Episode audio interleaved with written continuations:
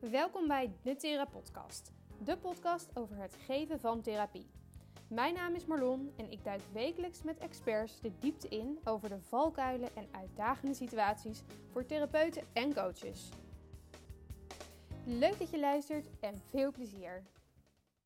Welkom bij een nieuwe aflevering. Ik zit hier aan tafel bij Anaïta van de School of Mental Health. En we gaan het vandaag hebben over eigen trauma's, over systeemtherapie en hoe je dat ook kan inzetten.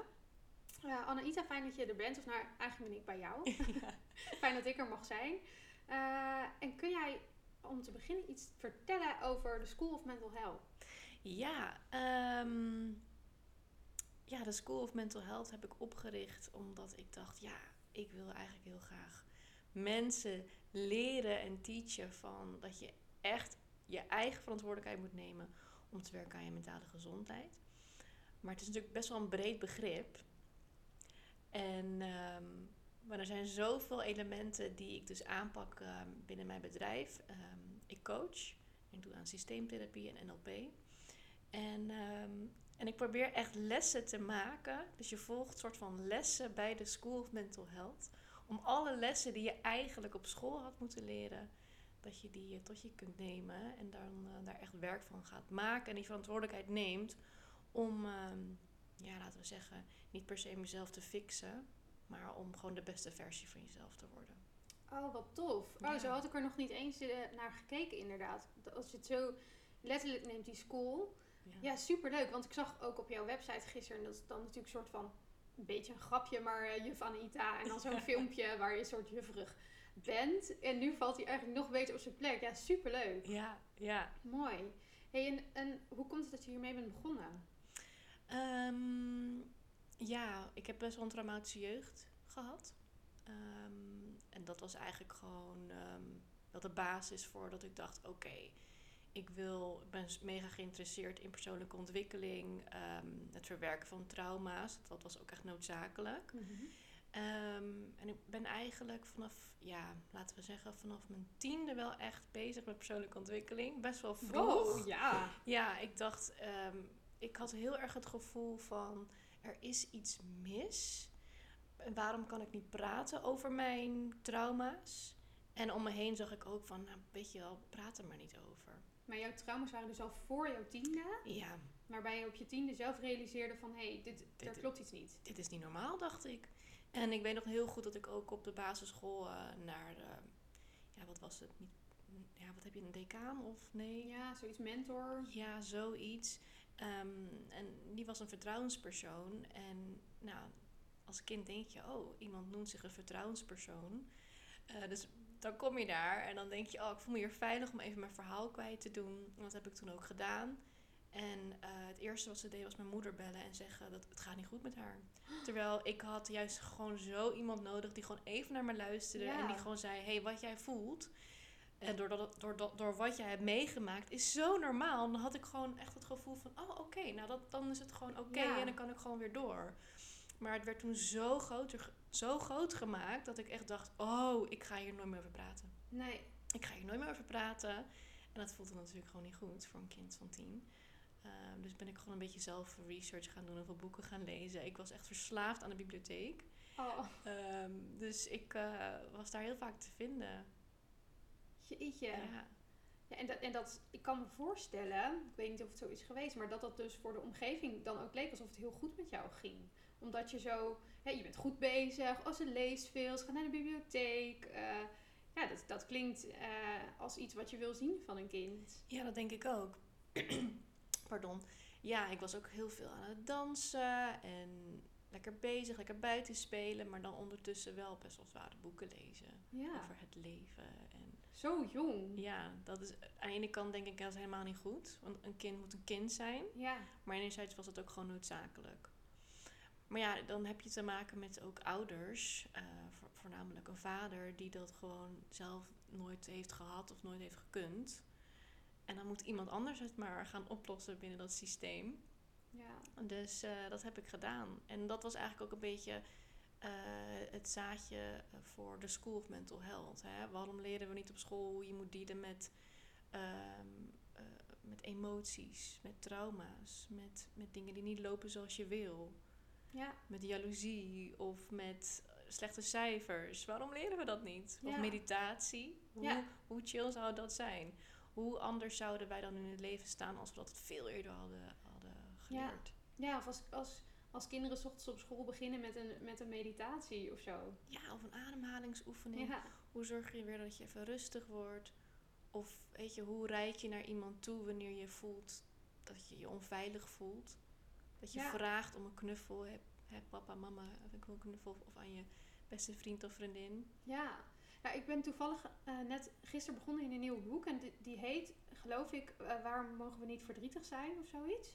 En die oh. gaat heel erg over um, ja, dat, dat we in de maatschappij dus vooral gelukkig moeten zijn. En iedereen is daar natuurlijk heel druk mee bezig om zo gelukkig mogelijk te worden. En hoe word je nou gelukkig? En je moet dankbaar zijn. En, en dat is heel goed. Dat is heel fijn dat we dat aan het doen zijn. Maar daardoor lijkt het soms alsof je niet verdrietig mag zijn. Terwijl dat ook heel erg bij het leven hoort. Uh, gelukkig ook maar. Want ik denk dat als je niet verdrietig kan zijn, kan je ook niet gelukkig zijn.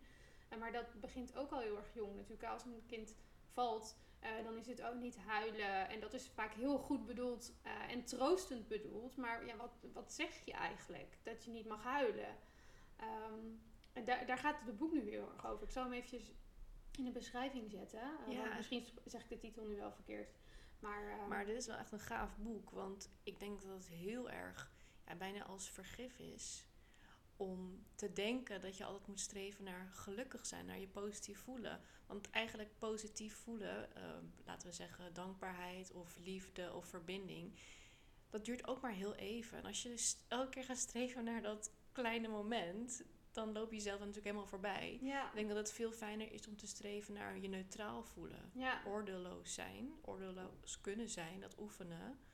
Want inderdaad, als jij niet verdriet toe, toe, kan laten, dan kan je ook uiteindelijk ook niet positiviteit toelaten. Nee. Ik denk dat ook een misvatting is dat verdriet er niet mag zijn. Want verdriet brengt letterlijk de informatie met zich mee. Hey, iets in jou is zo hard geworden, je mag gaan smelten. En dan heb je gewoon smeltend ijs over je wangen.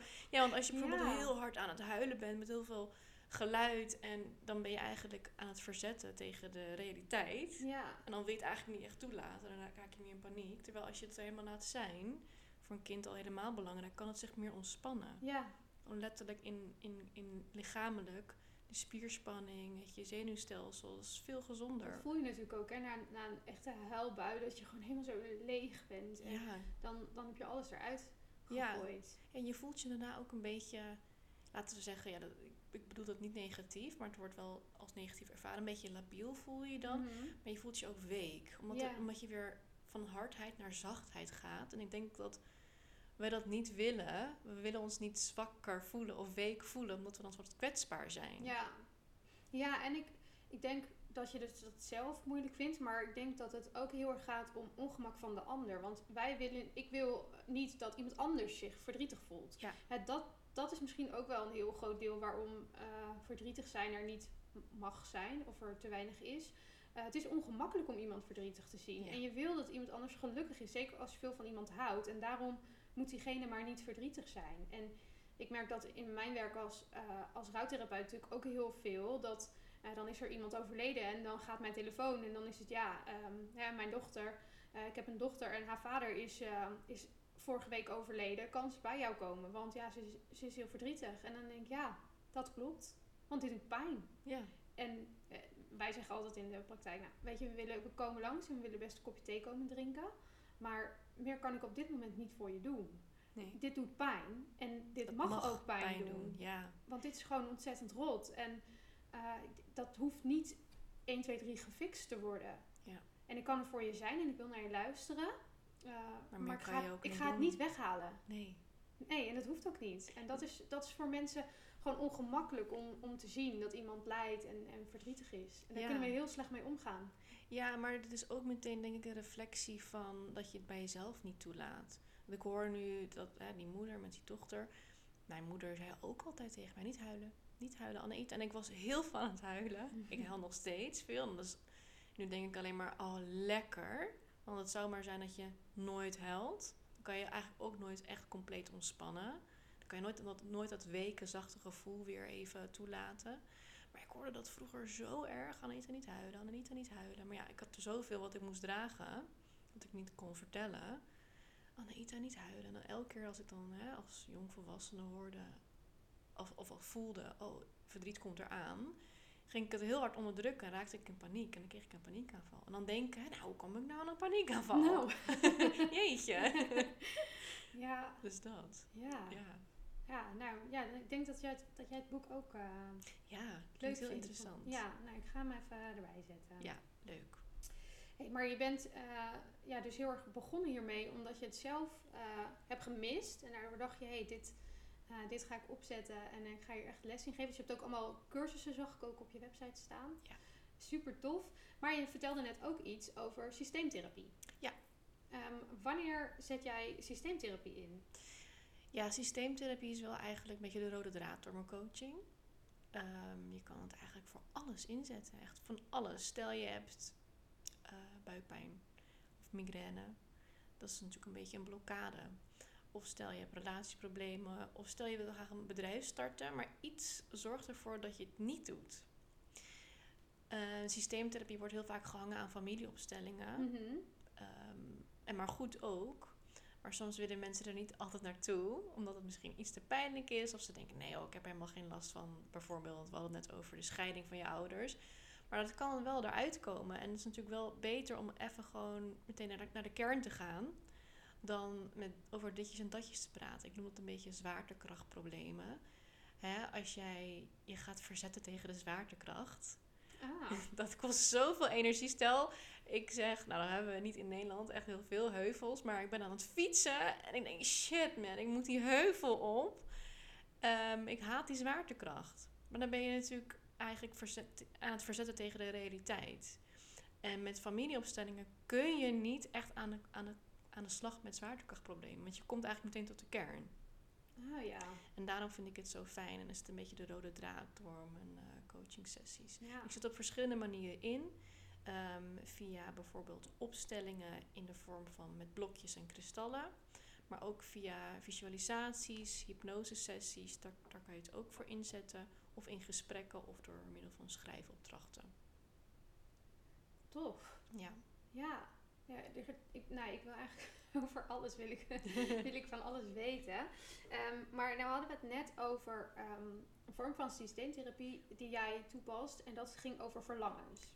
Een verlangenopstelling. Ja, kun je daar wat over vertellen?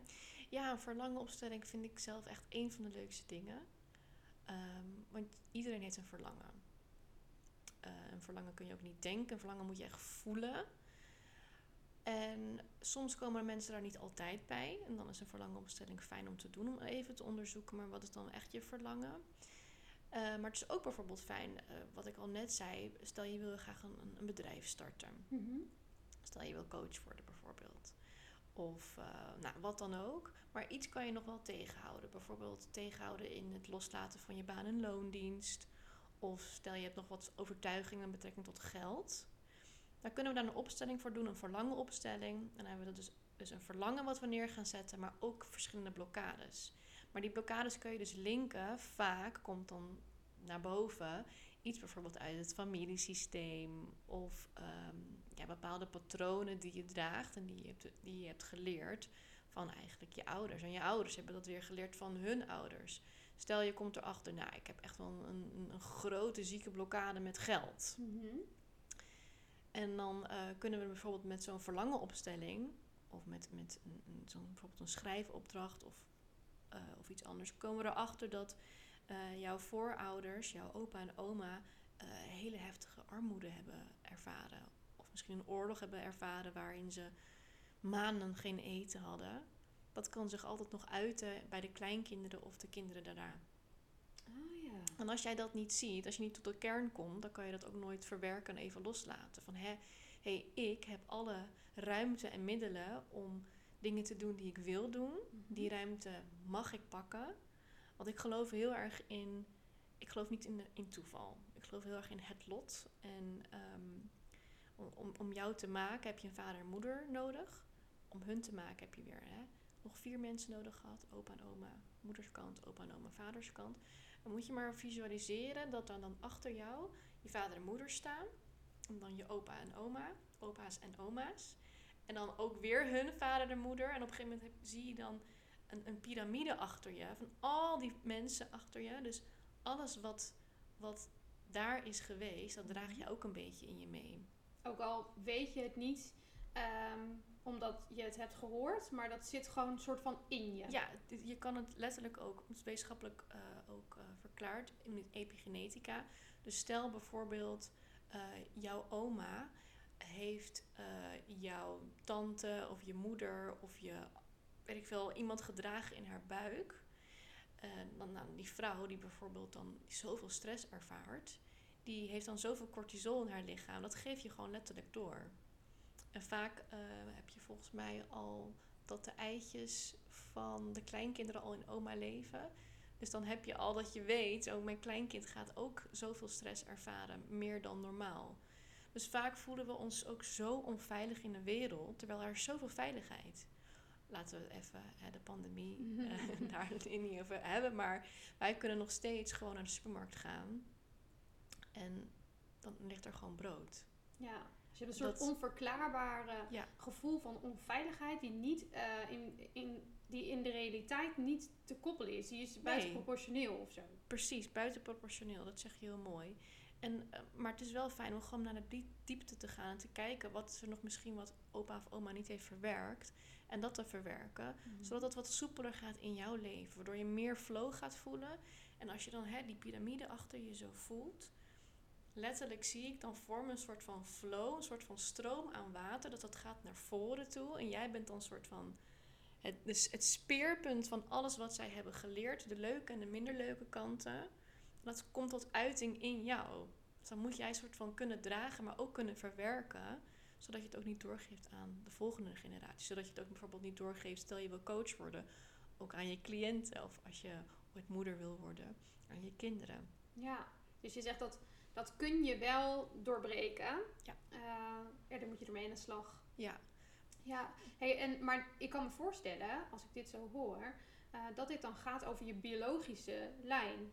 Ja, wel een uh, biologische lijn. Want stel, um, ik ken de familie van mijn vaders kant bijvoorbeeld helemaal niet, of misschien van allebei mijn ouders ja. helemaal niet. Dan toch zit dat in je, zeg jij, en speelt dat? Ja, van je, ja, je komt letterlijk hè, vanuit je vader en moeder. Dus je bent 50% je vader, ja. 50% je moeder. En als jij in um, nou, de, de, belangrijkste fase is 0 tot 7, de imprintfase, en dan 7, 14 en dan 14, 21. Als het in die fase, als je dan ook nog eens bent opgegroeid uh, in een samengesteld gezin, dan heb je ook nog eens daarmee te maken. Dus dan heb je heel veel mensen achter je staan, wat ja. fijn uh, kan zijn, maar waarvan je ook heel veel kunt dragen. Ja, je kunt dan ook voor uh, een stiefpapa, stiefmoeder of een adoptiemoeder of pleeggezin kun je dan ook nog uh, hun, nou, laten we even zeggen, shit dragen. Ja, ja. Ik, ik vind um, wat ik zo fascinerend vind aan dit, en daar denk ik voor mezelf ook wel eens over na. Ik heb natuurlijk nog geen kinderen, maar um, ik ben me heel erg bewust van het feit dat je dus een hele grote verantwoordelijkheid hebt naar je kinderen toe. Die verder gaat dan alleen zorgen dat ze te eten krijgen, dat ze, uh, nou ja, dat ze overleven, zeg maar. Dat ze niet doodgaan. Um, Dat is waar veel ouders natuurlijk mee bezig zijn. Soms letterlijk overleven en die, die, uh, nou, die tropenjaren doorkomen met je kinderen. En, uh, en zorgen dat ze niet onder de auto komen of te, genoeg te eten krijgen. Maar er is een veel grotere verantwoordelijkheid dan dat. En dat is natuurlijk de emotionele. En daar is denk ik heel weinig aandacht voor. En ik ben me daar heel erg van bewust. Misschien is dat ook wel een van de redenen dat ik nog geen kinderen heb. En dat, dat wordt me natuurlijk heel vaak gevraagd. Hmm. In die leeftijd uh, zit jij ook, denk ik. En ik ook. Um, maar ja, ik, denk wel niet dat ik zoveel shit heb nog, die ik nog, uh, te, waar ik mee te dealen heb of zo. Maar dat ik wel denk, wow, het is echt een, echt een grote verantwoordelijkheid. En die wil ik nu nog niet dragen. Ja, ja ik, ik, uh, ik ik voel die ook helemaal. ja, ik voel die ook helemaal. Ja, weet je, aan de ene kant is het ook gewoon het lot. Het, het, loopt zoals het loopt. En alles heeft ook een positieve intentie. Dus als jij je op een bepaalde manier voelt, dan is dat misschien ook om dat te nog te verwerken, wat nog niet iets verwerkt in je, in je, in je familielijn, familielijnen. Maar um, ik denk inderdaad dat het heel belangrijk is dat je niet continu vanuit bijvoorbeeld je, je zegt, zegt het heel mooi, vanuit je overlevingsstand. Als jij continu vanuit je overlevingsstand leeft, ja, dan gaat jouw kind ook vanuit overlevingsstand leven. Maar als jij denkt alles kan omarmen en je trauma kan omarmen en je gezonde deel kan omarmen. Het gezonde deel wil lekker op avontuur gaan, plezier maken, nieuwe dingen ontdekken. Ehm, als jij alles gewoon kan laten zijn, dan gaat dat kind dat ook zien en denkt: Oh, ik kan ook pijn hebben en gelukkig zijn. Ja, ja dat is misschien allemaal het mooiste. Hè? Ja. Het hoeft er niet allemaal niet te zijn. Ja, ja. het mag er allemaal juist zijn. En ik heb bijvoorbeeld wel een, een, ja, ik weet niet of het concreet is, maar in mijn hoofd is het concreet. maar bijvoorbeeld mijn oma heeft uh, haar moeder nooit gekend en is haar, haar allergrootste liefde, mijn opa, uh, is zij verloren toen hij 35 was. Hij is aan een mm. hartaanval overleden. Dus, en mijn moeder was toen 12. Dus, en zij was echt het oogappeltje van haar vader. Uh, dus dan heb je dus te maken met een vrouwenlijn waarin best wel veel verdriet en rouwen uh, is. Um, ik heb nooit, even afkloppen, nog niet iemand echt verloren die heel dicht bij mij staat. Maar ik voel dat verdriet zo intens maar mijn oma en mijn moeder huilen nooit. Bij wie hmm. komt dat in, tot uiting? Waarschijnlijk bij mij. Ja. En ik wil het met alle liefde dragen, maar ik moet het ook een soort van.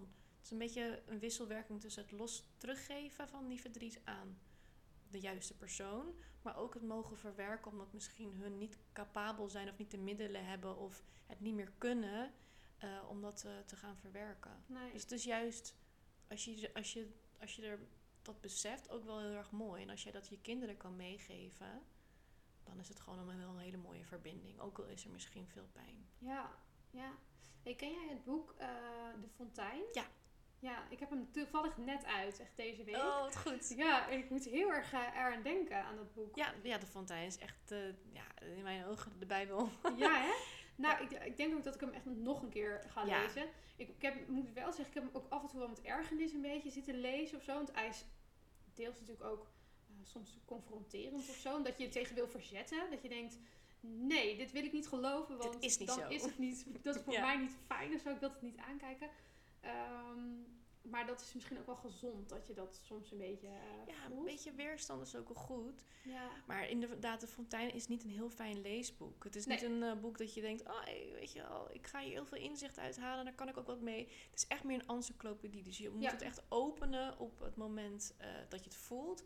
En op het moment dat je denkt: ik kan het aan wat erin staat. En je opent het precies bij bijvoorbeeld het hoofdstuk wat resoneert met jouw leven. Maar inderdaad, de fontein van Els van Stijn, familiesysteemexpert. Ja, het is zo geweldig. Ja. Zij legt, want het is best wel moeilijk om. Ik struggle er nu ook mee met uitleggen wat het nou precies is en hoe ik het dan zelf implementeer.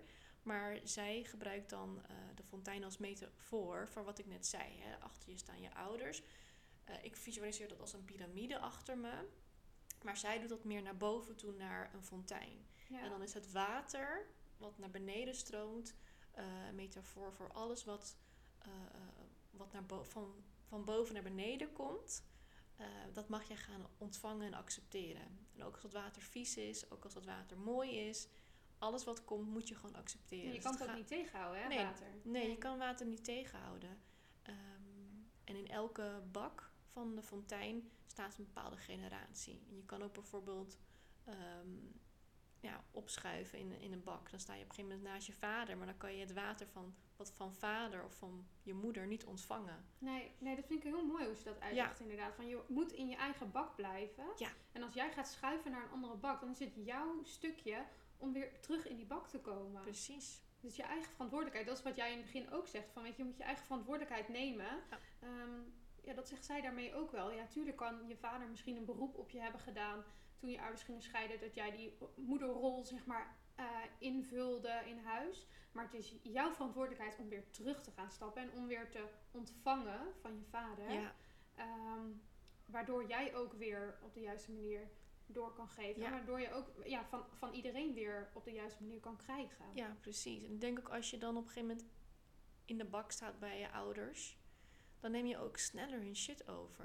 Mm -hmm. Sorry als ik altijd over shit praat. Oh, Daar bedoel ik gewoon mee, ja, dingen die niet van jou zijn en die niet zo fijn zijn. Ja. Dan ga je inderdaad dealen met dingen die helemaal niet uh, bij jouw leven horen. En het ja. leven is juist zo erg gegund. Uh, ik bedoel, als een van hè, die voorouders, honderden mensen achter je, misschien wel duizenden mensen achter je. Nou, eigenlijk weet ik het zeker. Als één van die mensen er niet was geweest, van die duizenden mensen, dan was jij hier ook niet. Nee. Dus je hebt alle recht om 100% jouw eigen leven te leven. Dan hoef je niet naast je moeder of vader te staan en niet voor je ouders te zorgen. En daarom het metafoor van het water ontvangen van boven. Ja. Ontvangen wat je ouders geven. En dan kan je het ook be en beter accepteren. En kan je ook veel beter ontvangen. Ja, ja dat, dat inzicht heeft dat boek me wel heel erg gegeven. Ook over mezelf. Mhm. Van weet je, wat, wat jij hebt gekregen van je, van je ouders, hè, van degene die boven jou staan eh, in die fontein. ehm, dat is alles wat ze hadden kunnen geven. Ja. En ehm, ook al heb je misschien soms het idee, het was niet genoeg, of eh, ik heb dit gemist of dat gemist. ehm, je hebt het recht ook niet om daar boos over te doen of, of daar eh, nog, een, nog een beroep op te doen. Want ze hebben alles gegeven wat ze konden. Ja. En dat, dat vond ik wel een heel mooi inzicht. Want dat zijn natuurlijk vragen die hoor ik in mijn werk wel eens. Of die worden mij ook wel eens gesteld van... Hey, ehm, ben je niet boos op die of die of die? Of ben je niet boos op je vader of zo? En ik zeg altijd nee, maar ik kon het nooit goed uitleggen waarom ik niet boos was. Ja. Eh, tuurlijk wel geweest, eh, voordat ik zelf heel veel therapie had gehad. En voordat ik ermee aan de slag ben geweest, toen was ik boos. Maar nu niet meer. En ik kon niet uitleggen, ja, maar waarom ben ik nou niet boos? En ik zei altijd, ja, weet je, ja, het is wat het is. En wat schiet ik er nou op mee, mee op met boos zijn? En verder dan dat kwam mijn uitleg eigenlijk niet. En nu denk ik, ja, maar dit is het wel een beetje. Hoe, het klinkt soms een beetje zweverig of zo, maar ze, ja, als hij meer had kunnen geven, dan had hij het wel gedaan. Ja. Maar het heeft hij niet gedaan, dus dan kon hij het waarschijnlijk niet. Oké, wie ben ik dan om boos te zijn? En wat schiet ik er ook mee op om dat te doen? Daar heb ik Ja. alleen maar zelf last van. Ja, en ehm, ja, want dan kan je ook even kijken, waar, waar sta ik dan naast? Want ik denk wel dat als je naar beneden gaat en zakt op jouw plek, want de fontein gaat over, ook heel erg over vind jouw plek in het systeem. Ehm, als jij meer jouw plek inneemt, kun je ook meer vanuit die kinderrol leven. Ja, En dan is het natuurlijk wel fijn om te zeggen: hé, hey, ik, ben- eigenlijk wel boos op papa of mama. Ja. En dat heb ik ook heel lang niet gehad. Want vaak als een van de ouders. eh, ehm, ja, ouders kunnen ook bijvoorbeeld naar beneden zakken. ja. En dat had mijn vader. En mijn ouders gingen uit elkaar toen ze acht waren. Toen toen ik acht was, sorry. toen ik acht was. En eh, eh, toen steeg ik op. En stond ik dus boven mijn vader naast mijn moeder. En ik werd op een gegeven moment ouder. En dan werd ik opeens de ouder van mijn moeder. Dat noem je, noem- dat noem je parentificatie. En ja, en waar ben ik dan? Daar was geen plek voor. Dus ik was heel erg aan het zorgen in de zin van niet bijvoorbeeld, iemand- weet je, je ouders voor een kook of zo. Dat bedoel ik niet. Of het huis schoonmaken. Maar zorgen in de zin van alles wat jij wil, dat doe ik, mama. Mhm. Ja. Dus dan had, er was geen plek voor mijn ik. Nee. Dus ik kon ook niet boos zijn. Ik kon niet verdrietig zijn. Ik, moest soort van, ik was bijna een soort van dienstbaar voor mijn moeder. Dus ik moest, ik moest echt een stapje, een stapje voor stapje naar beneden toe. Zakken naar beneden om mijn eigen plek in te nemen. En toen pas kon ik echt wat meer voelen van... Oh, eigenlijk ben ik, ben ik het helemaal niet mee eens. Dus je voelt dus ook wat meer je eigen verlangen. En dan is het ook makkelijker om bijvoorbeeld zo'n verlangenopstelling eh, Ja. te doen. Ja, het, het is wel een leuke verlangenopstelling. Want ik heb natuurlijk wel eens eh, cliënten die komen dan binnen. En dan willen ze het niet over het verleden hebben of over mijn ouders. En dat is altijd grappig. Ik, ik moet stiekem dan altijd een beetje lachen. Want ehm, dan denk ik, oké, interessant. Daar wil je het niet over hebben. Ja. Ehm, en maar wat ik doe, en dat vind ik wel ehm, leuk, maar is dat ik eh, dan luister. En dus dan, oké, dan wil je het daar niet over hebben, dan ga ik het daar niet over hebben. En dan gaan we het eerst over andere dingen hebben. Want ik vind het altijd wel heel belangrijk om dat serieus te nemen. Ja. Ehm, en dan hebben we het daar dus niet over. Maar in, dan, dan kan je dus zo'n verlangenopstelling gaan doen. Oké, je wilt het hebben over dat je een bedrijf wil beginnen, maar eh, iets houdt je tegen. Nou prima, is goed, gaan we het daarover hebben. En dan neem je je cliënt heel serieus. Ehm, en uiteindelijk kom je er toch wel bij. Ja. En dat heb ik, ehm, ja, dat heb ik nu al op meerdere manieren. Ik werk bijvoorbeeld heel vaak met liefdestalen. En dan, eh, dat gaat dus ook niet per se over eh, jouw, eh, jouw geschiedenis. Uite- uiteindelijk kom je er altijd op. En dat is met deze is dat echt wel een hele toffe. Ja, ja, ook bij deze kom je uiteindelijk tot de blokkade. Ja, En dan moet je het soort van wel gaan toelaten. En vaak ook als je vraagt aan mensen, wat is je verlangen? Dan zeggen ze alles wat ze niet willen. Ik wil eh, geen financiële problemen hebben. Ik wil niet dat dit gaat in mijn relatie. Niet, niet, niet, niet, niet. En dan zeg ik, maar wat wil je wel? Wat is je verlangen? Dan zegt ze, ja, heb ik toch net al gezegd? En dan, nee, wat is je verlangen? Uh, maar uiteindelijk kom je dan wel op, inderdaad bij wat je zegt, bij wat je niet wil. Ja. En dan Ja. heb je toch onbewust toch wel erover. Ik kan me voorstellen dat je, als je zo'n verlangenopstelling eh, maakt, ehm, heb je dan eerst ook echt een genogram nodig? Heb je die eerder al gemaakt of hoeft dat niet per se? Nou, als ik met iemand een langere tijd eh, aan de slag ga, dan is het wel fijn zodat ik meteen al wat haakjes heb. Ehm, maar in principe is dat niet altijd nodig. Nee. Nee, je komt er altijd wel weer uit. Meestal maak ik genogram eigenlijk altijd bij de intake. Begin ik daar al mee. Gewoon Oh ja. met kennismaking. Is een soort, dan is het niet eens meer een, is het niet echt een interventie, het genogram, maar meer gewoon Ja. mijn aantekeningen. Dus die ligt er wel altijd bij. Ja. Dus ik kan wel makkelijk erbij pakken, maar het hoeft niet per se dus. Nee, ik begin ook altijd met een intake, heel, heel uitgebreid. In de eerste sessie doen we eerst een verlangenopstelling. En dan eh, laat ik ze zelf een genogram uitschrijven. Oh, En ik teken dat dan verder uit. En dan eh, beginnen we met de eerste opstelling van 0 tot 7 jaar. Want daar ligt eigenlijk al de basis. En dan soms als ik zie dat iemand zo'n groot verlangen is, maar een verlangen kan ook weer een obstakel zijn. Stel bijvoorbeeld, ehm, jij als vrouw eh, nou, bent al over de 30 en je, wil, je, hebt, je, wil, je hebt een kinderwens. En het wordt op een gegeven moment kan het zo groot worden dat het op een gegeven moment een verlangen kan zich ook omvouwen in een obstakel. Waardoor je niet meer echt vrij kan leven. Ehm, en soms laat ik ook bijvoorbeeld in zo'n eerste opstelling al een verlangen erin plaatsen of een blokkade. En dan zien ze, oh, het- eigenlijk is dat meer mijn moeder dus die tegen mij continu zegt: Wanneer ga je nou aan kinderen beginnen? ja, ja, En wat is dan de blokkade bijvoorbeeld? Eh, meer je eigen waarheid gaan creëren, meer je eigen realiteit, meer luisteren naar je eigen lichaam. Met je partner erover praten en niet met je moeder. Ik zeg maar wat even. ja, ja. Dus doe je dan in een familieopstelling, maak je dan een verlangen? Ja. Ja, Alles uiteindelijk versmelt met elkaar. En uiteindelijk is een verlangen bij iedereen hetzelfde. We willen allemaal goedkeuring van onze ouders, van onze partner. We willen allemaal liefde, we willen allemaal verbinding. ja. We willen gezien worden. Dus het Ja. zijn allemaal wel ehm, ja, verlangens die... Ja, het zijn allemaal... eh, ja, iedereen heeft hetzelfde verlangens gewoon. En zitten de blokkades in zo'n verlangenopstelling, zit dat altijd vanuit het familiesysteem? Ja, vaak wel. Ja, hè? Ja, vaak wel. Ja. Je, ja, je, je, je bent 50% je vader, 50% je moeder. En ehm, ja, een kind kan natuurlijk nog niet zoveel. Dus die, die leert en absorbeert alles van de, van de ouders. Ja. Dus dat neem je dan gewoon over. Klakkeloos over. En dan eh, manifesteert zich weer dat weer eh, wanneer je ouder eh, wordt.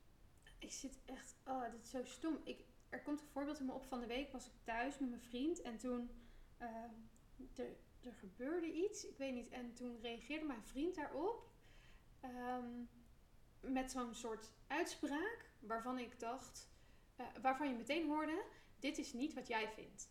Oh. En het was een, eh, nou, het was, ik, ik kan er nu echt niet meer opkomen. Het was gewoon iets heel doms. Iets, ehm, ik, ik bedenk even een voorbeeld vanuit mijn eigen jeugd, maar dat ik bijvoorbeeld om, eh, om half vijf of om vier uur zei van, nou ja, ik heb honger of zo. En dat mijn vader altijd dan reageerde van, dan neem je maar een plak brood. Gewoon meteen zo flap daaruit. Zoiets was het. Dat ik, dat ik Mhm. bijvoorbeeld nu thuis zei, ik heb honger. En dat Bouk zei, oh, je neemt maar een plak brood. ja, En ik, ik, ik zag gewoon aan hem en ik voelde aan hem, dit is niet wat jij nu echt denkt. Dit is iets onbewust wat je eruit flapt. En toen vroeg ik dat ook. Zo van, ehm, goh, zeiden Eh, je ouders dat vroeger ook altijd. ja, ja. ik- of eerst zei ik van, goh, we- weet je, waarom zeg je dat of zo? Of ehm, eh, vind je dat echt of zo, zei ik. En toen zei ik van, is, of is dit iets wat je, ehm, ja, wat eigenlijk je- jouw ouders vinden of zo? En toen kwamen we daar wel op dat dat inderdaad zo was. En dat hij eigenlijk nog niet wist wat hij er zelf echt van vond. Hij had er eigenlijk nog nooit over nagedacht. Nee. Maar hij, hij auto- automatisch Ja. zei hij wat zijn ouders vroeger altijd zeiden. En het was Ja. iets heel onschuldigs hoor. Het, het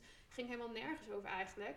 Maar het was zo grappig om te merken dat het zo automatisch ging. En dat je zonder dat je zelf er, een bewuste mening van hebt. Er toch iets over uitspreekt. Ja. Ehm, het was, het was een heel grappig moment eigenlijk. Ja, maar ook grappig dat jij het dan uh, zag en het aan hem terug kon geven van, maar wat, wat, wat vind jij dan? Wat wil jij? Ja, ik, ik weet ook niet hoe het kwam dat, dat het zo opviel. Um, ja, waarschijnlijk omdat hij iets zei wat helemaal niet klopte met hoe hij echt in het leven staat en zijn mening normaal of zo. Dat het er haaks op stond. Beetje. Ja, en dat ik dacht, dit, dit klopt helemaal niet bij wat je normaal zou zeggen. Maar waarschijnlijk zag je gewoon een bepaalde error in jezelf. Van, hé, maar hij doet het nu heel anders. Ja, zoiets. En, dan, en ook hij voelde ook die error. Uh... Maar het was zo grappig om te zien dat het bij iets heel onbewust, dat je dat al kan hebben. En dan is het nog maar heel klein en uh, gaat het bij wijze van spreken over een pluk brood. Ehm, maar dat kan dus ook bij hele, nou ja, bij dingen als geld bijvoorbeeld, kan het ook heel erg uh, Ja, ik heb dus uh, iets wat best wel vaak terugkomt. Het is echt een patroon. En um, enerzijds denk ik, weet je, het is, het, it is wat het is. Het is oké. Ehm, maar door al, er al bewust van te zijn, ben ik veel zachter naar mezelf toe geworden. Kan ik wat meer zelfliefde toelaten. Ik heb dus een dingetje, ben ik achtergekomen met luiheid. En heb ik ook mm. klakkeloos eigenlijk overgenomen van mijn oma en mijn moeder. Ze zijn allemaal echt van die, ja, echt wel tough bitches. Ja, Mijn oma heeft altijd heel veel eigen bedrijven gehad in de horeca, restaurants, hele ketens. En uh, mijn moeder, ja, die werkt bij de politie ook. Dus ook gewoon heel erg hup, hup, hup, beetje van die mannelijke energie. Mm Weet je wel, mhm. doelen behalen. Dus ik weet nog, uh, als mijn vriend uh, hier bij mij thuis is en ik zie dat hij lekker aan het gamen is en ik kom erachter dat hij nou, al flink wat uurtjes achter elkaar aan het gamen is. Nou, dan word ik, dan word ik zo erg geïrriteerd. Maar ja, die irritatie zit in mij. Hij geniet gewoon van zijn leven. Hij denkt, I'm living the life. Ja. Ik ben met mijn meisje, ik ben lekker aan het gamen. Uh, en ik vreet me dan helemaal op. En dan is het dus de kunst om eerst te onderzoeken, maar wat zegt dan die irritatie over mij? Oké, ik irriteer me dat hij lui is. Maar wat zijn dan eigenlijk de overtuigingen die ik heb over luiheid. En toen dacht ik, oh shit, ja, ik heb eigenlijk geleerd dat ik niet zwak mag zijn. Nee. Dat was, dat was nou dan. Ik mocht niet huilen. tuurlijk, uh, mijn, mijn moeder, mijn oma en ook, vanuit mijn vaderslijn weten we hoe we moeten genieten. En dan, dan nemen we het er ook echt van. Maar het is eerder dat je wel echt meer moet knallen dan meer moet gaan chillen. Ja. Leg ik het goed uit? Ja, ja, ja. Gewoon werken. Ja, dus dat... Uh, zo is het ook wel grappig om uh, bij jezelf te ontdekken van... Oh, als je dan getriggerd raakt... Bijvoorbeeld of geïrriteerd raakt of gefrustreerd raakt... Uh, is dat dan wat, je, wat aangeleerd is? Is dat dan wat je nog steeds met je meedraagt van, van je vader of je moeder? Misschien daarboven zelfs. Ja, en, en sommige patronen zijn uh, misschien heel helpend en heel goed. Ja. Ik, ik heb bijvoorbeeld een heel gezonde relatie met geld, denk ik. En dat heb ik echt van mijn ouders. En mijn ouders zeiden, hadden ook altijd van die uitspraken als... Um, ja, ik heb het geld wel, maar ik heb het er niet voor over. Weet je wel, zoiets. Oh, ja. Als het dan er om een hele dure auto ging of zo, echt zo buitenproportioneel. Toen zei mijn vader, ja, ik heb het wel en ik kan die auto betalen. Maar ik wil dat niet betalen voor een auto. Zoiets.